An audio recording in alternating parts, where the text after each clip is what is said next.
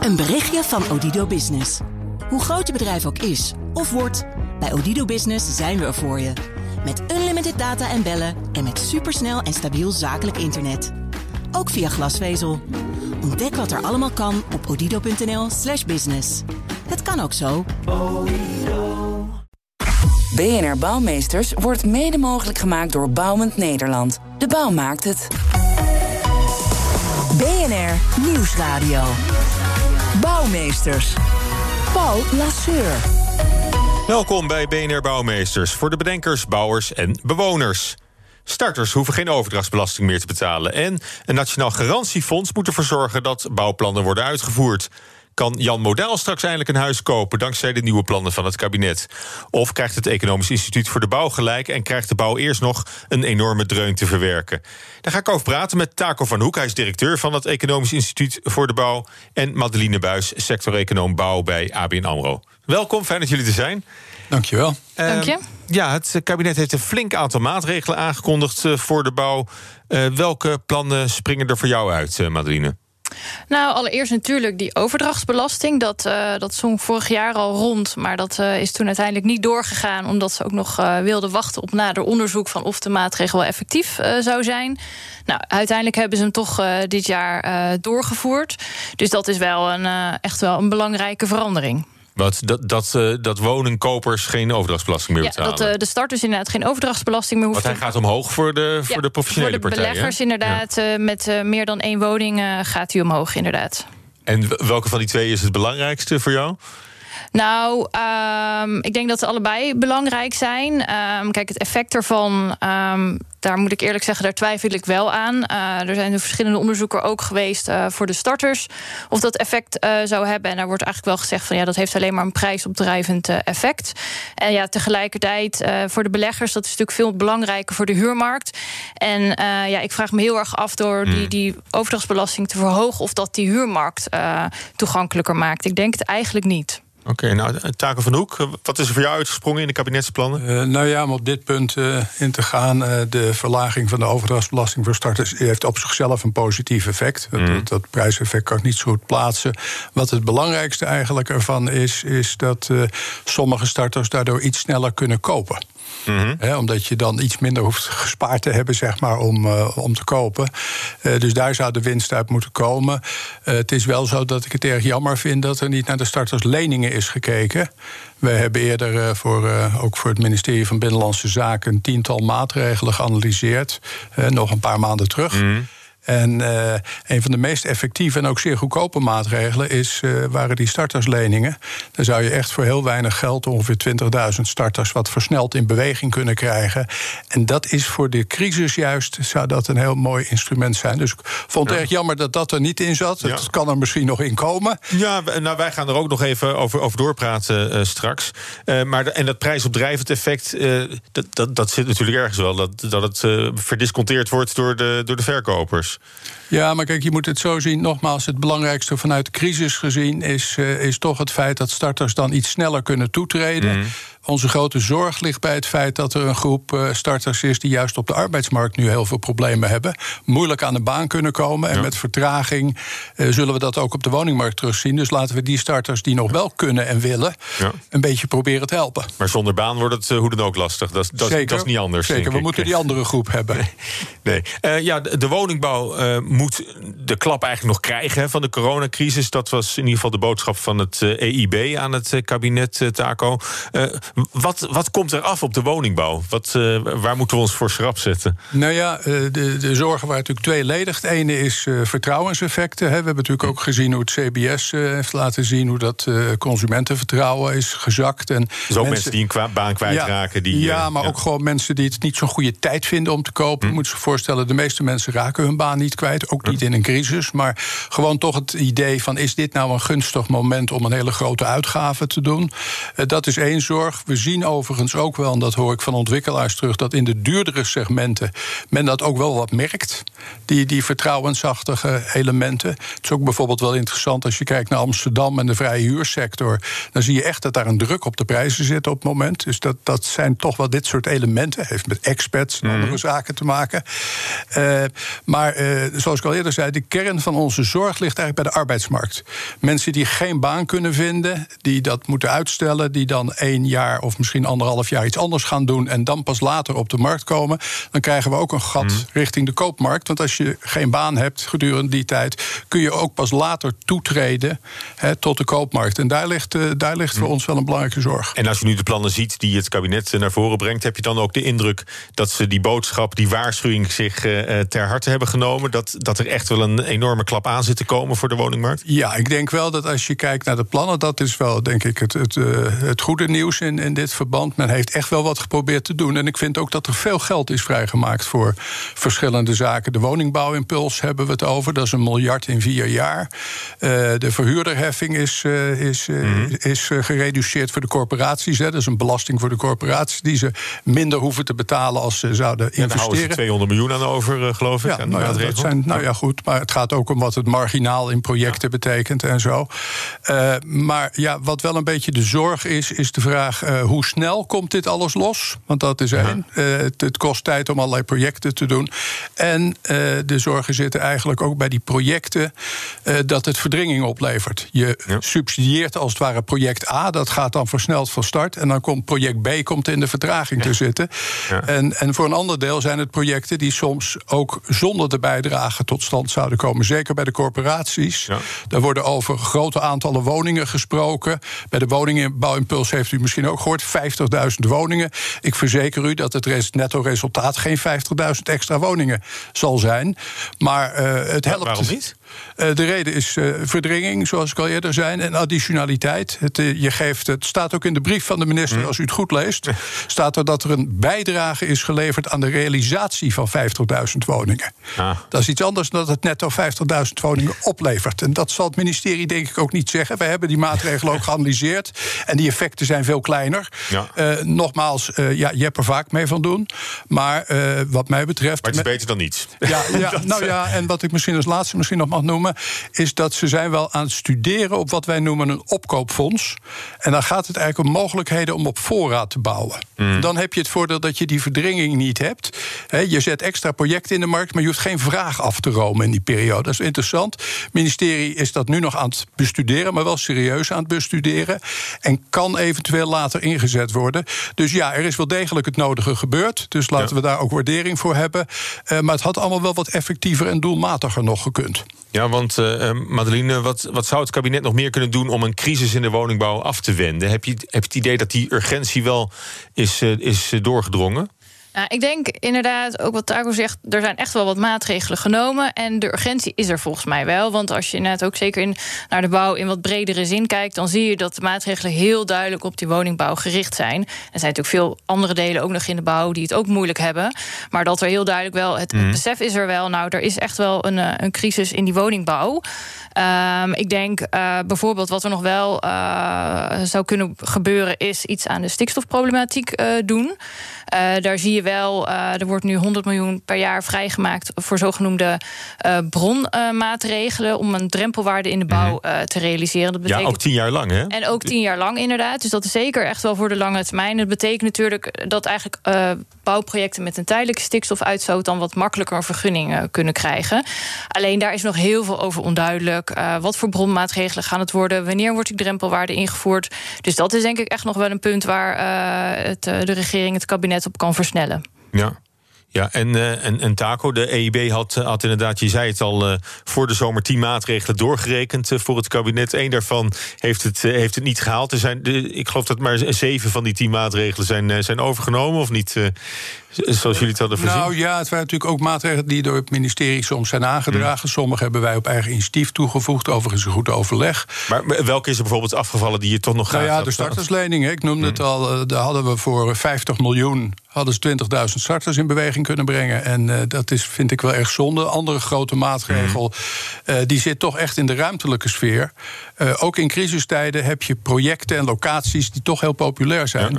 En we lopen nogal eens aan tegen allerlei restricties in de ruimtelijke mhm. ordening.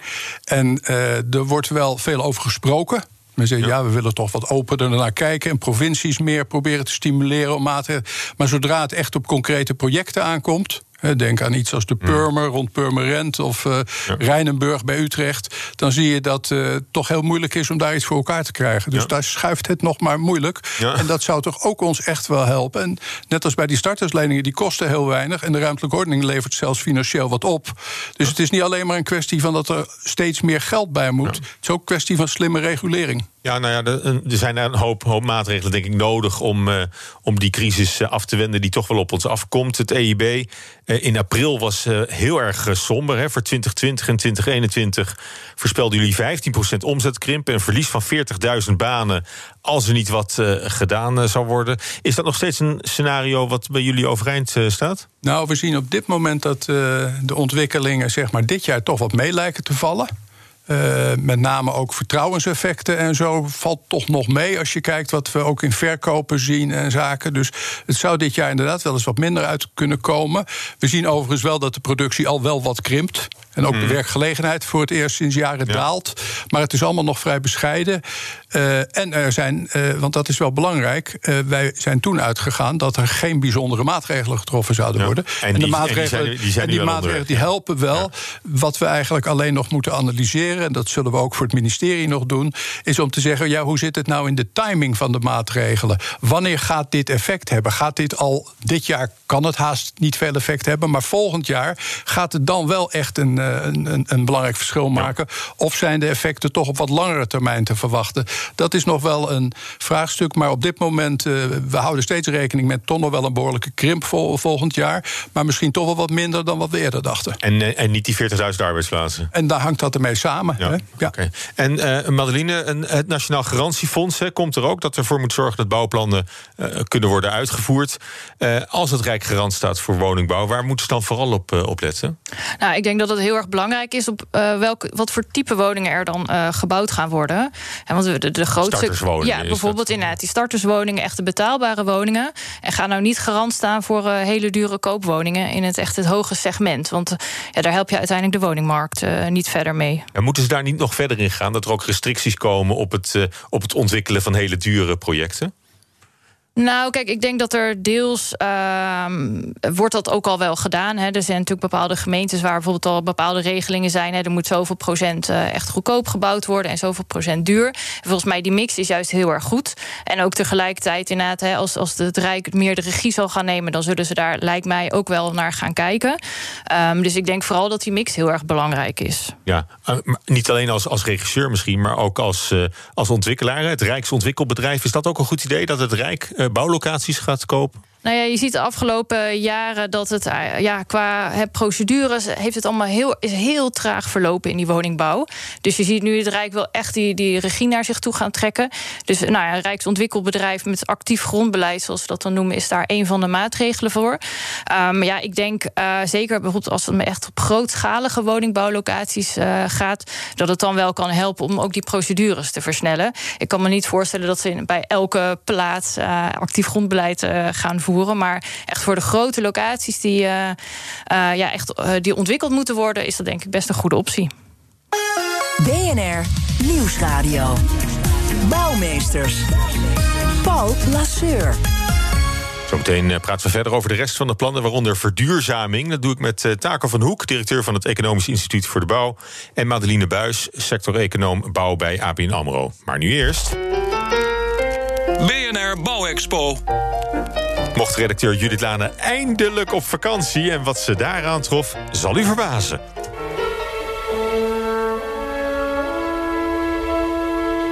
Ja, hoi. Deze bouwexpo valt in de categorie... ik was op vakantie in Wenen, want daar kon je nog wel heen. En dat bleek geen verkeerde keuze. Zeker niet qua gebouwen. Ik heb namelijk nog nooit zoveel paleizen bij elkaar gezien in één stad. Ik neem jullie even mee op tour...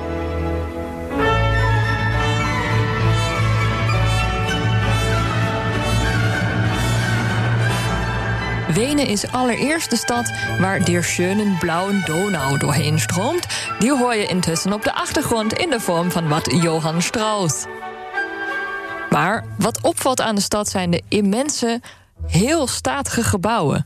Wenen heeft door bezetting van de Turken in de Renaissance namelijk nagenoeg geen gebouwen uit die tijd, want het geld moest toen naar de versterking van vestingwerken. En een andere belangrijke reden voor die statige stijl is de familie Habsburg. En die ken je wel van deze film. Sie ist die Anmut selbst. Und ihr Charme ist von einer Herzlichkeit, wie ich ihn überhaupt noch nie erlebt habe. Sie ist ein Schatz. Und ich werde mir diesen Schatz von niemandem wegnehmen lassen. Ja, ich liebe ihn. Ich liebe ihn sogar sehr. Ja, dat was natuurlijk Romy Schneider als Sissy in de jaren 50. En de geschiedenis van Sissy en dus de Habsburgjes... die gaat al wat eeuwen terug. Tussen halverwege 1400 tot het einde van de Eerste Wereldoorlog, 1918 dus... hadden zij de macht over niet alleen Oostenrijk... met Wenen als hun kroonjuweel... maar ook Bohemen en Hongarije. En ja, daar moest wel eens een gebouwtje voorbij geklust worden. En niet alleen door de Habsburgers, maar een beetje aristocraat... die liet een stulpje bouwen in Wenen. En dat ging qua stijl en architectuur dan van barok naar rococo... Hè, dat hele uitbundige waar je glazuur van je tanden van afspringt... naar uiteindelijk neoclassieke ontwerpen. Die waren dan weer iets rustiger en die gingen eigenlijk terug naar de Romeinse bron. En over bronnen gesproken...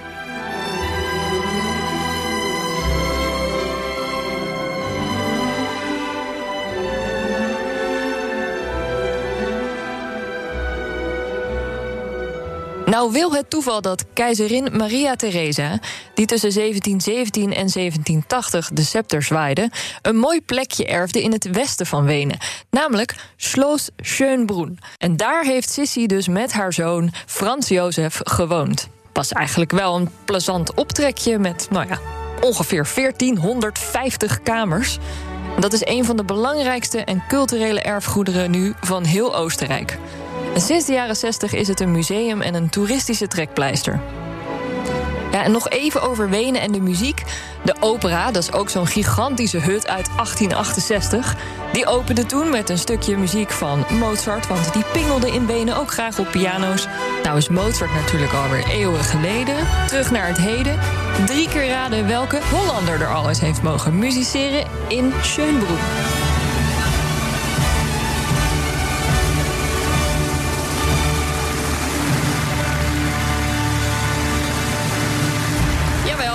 André Rieu. Zo is het helemaal rond. Dankjewel, Judith.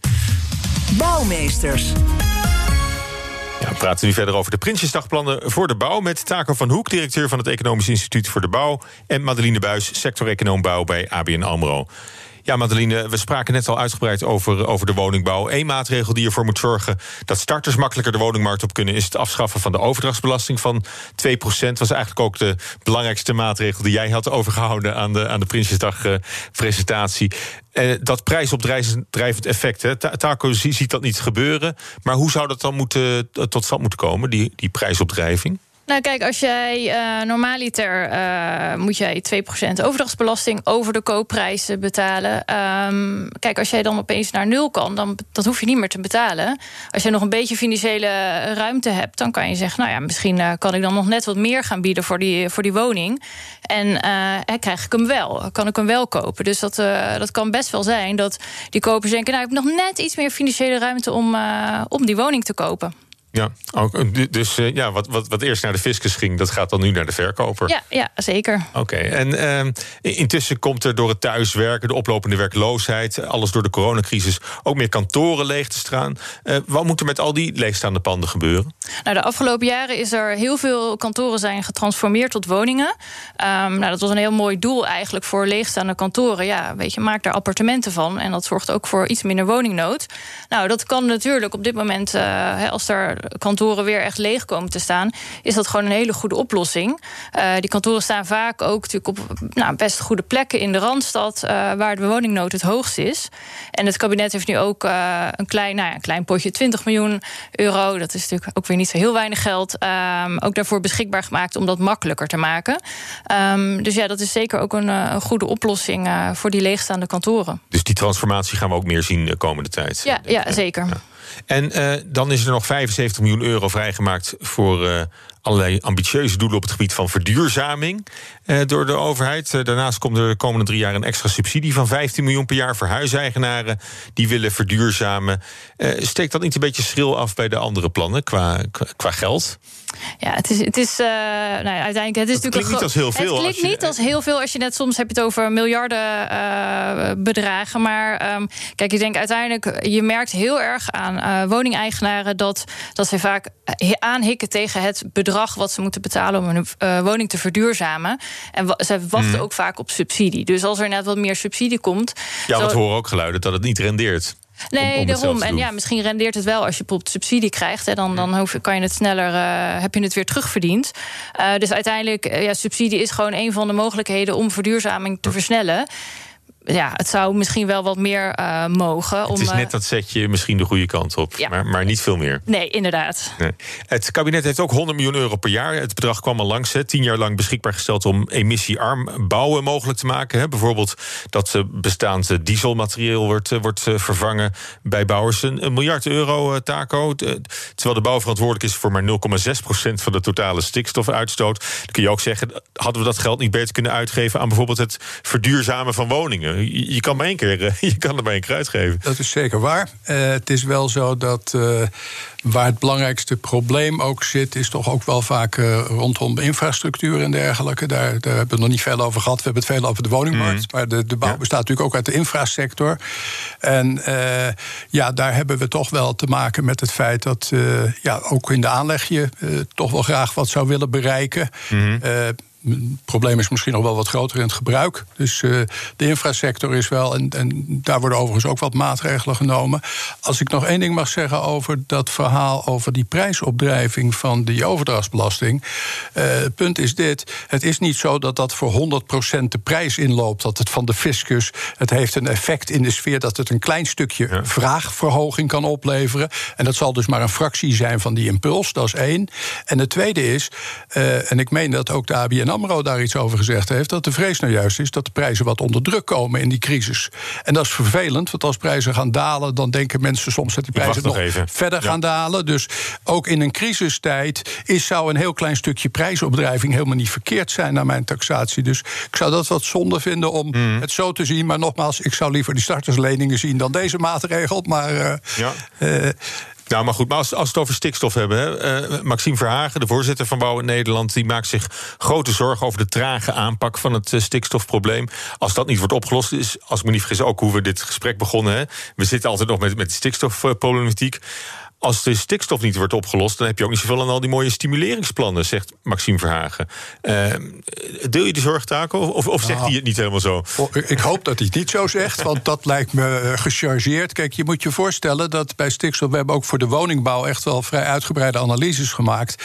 En we zien dat ongeveer twee derde van de woningbouwprojecten, die hebben helemaal geen last van stikstofregels, nee. omdat die liggen ver verwijderd van die Natura 2000 gebieden. Mm. Dus het idee dat alle stimuleringsmaatregelen geen effect hebben hebben vanwege de stikstof is niet terecht. Het is wel zo dat het verstandig is om ook te kijken hoe we die stikstof snel kunnen regelen. Er zit ook voor een deel gewoon een organisatorisch vraagstuk. Het is niet alleen een kwestie van geld. Het moet geregeld worden in de regio's. Uh, dus ik denk dat daar de belangrijkste ja. uitdaging ligt. En onze zorg ligt het meeste bij de infrastructuur overigens. Niet bij de okay. woningbouw ja. als het om stikstof gaat. Ja. En uh, Madeline, je had het al over die, over die drempelwaarde even. Hè. Dat is wel belangrijk dat die er dan komt. Ja, nee, zeker. Want wat die geeft uh, kort gezegd ruimte om dan toch nog uh, te gaan bouwen. Dat, dat, er wel een vergunning komt voor. Uh... Ja, dat je inderdaad bepaalde vergunningen niet aan hoeft te vragen, waardoor je inderdaad makkelijker je project uh, doorgang vindt. Goed, intussen is corona de derde bouwcrisis in twaalf jaar. En we zitten eigenlijk nog met de erfenis van de vorige crisis. Hè, de personeelstekorten, stijgende bouwkosten. Hoe gaan we hieruit komen? Heel kort. Nou ja, toch proberen inderdaad uh, door te bouwen. Dat is heel belangrijk. En inderdaad echt uh, probeer iets te doen aan die stikstofproblematiek. Ja, Taco? Ja, ik denk inderdaad het, het doorbouwen. De, de kern van het vraagstuk, in ieder geval bij de woningbouw, is dat die vraag tijdelijk even wegvalt. Terwijl we daarna het heel hard nodig hebben. Dan krijg je weer van die bewegingen dat je eerst heel scherp naar beneden gaat, dan weer heel scherp omhoog. Dus, Eh, dus blijven bouwen. ja, en het, het beleid probeert daarop in te spelen. En nogmaals, er zijn nog wat eh, mogelijkheden over die ook Maar daar weinig, zullen we de volgende keer over praten. weinig hoeven te kosten. De tijd zit erop. Hartelijk dank voor dit gesprek. Taco van Hoek, directeur van het Economisch Instituut voor de Bouw. En Madeline Buis, sector-econoom bouw bij ABN AMRO. En tot zover BNR Bouwmeesters. Tips en verhalen die kunnen weer naar bouwmeesters.bnr.nl of via Twitter BNR Bouw. En deze uitzending is als podcast terug te luisteren via de app en via bnr.nl. Tot volgende week. BNR Bouwmeesters wordt mede mogelijk gemaakt door Bouwend Nederland. De bouw maakt het. Een berichtje van Odido Business. Hoe groot je bedrijf ook is of wordt, bij Odido Business zijn we er voor je. Met unlimited data en bellen en met supersnel en stabiel zakelijk internet. Ook via glasvezel. Ontdek wat er allemaal kan op odido.nl/business. Het kan ook zo.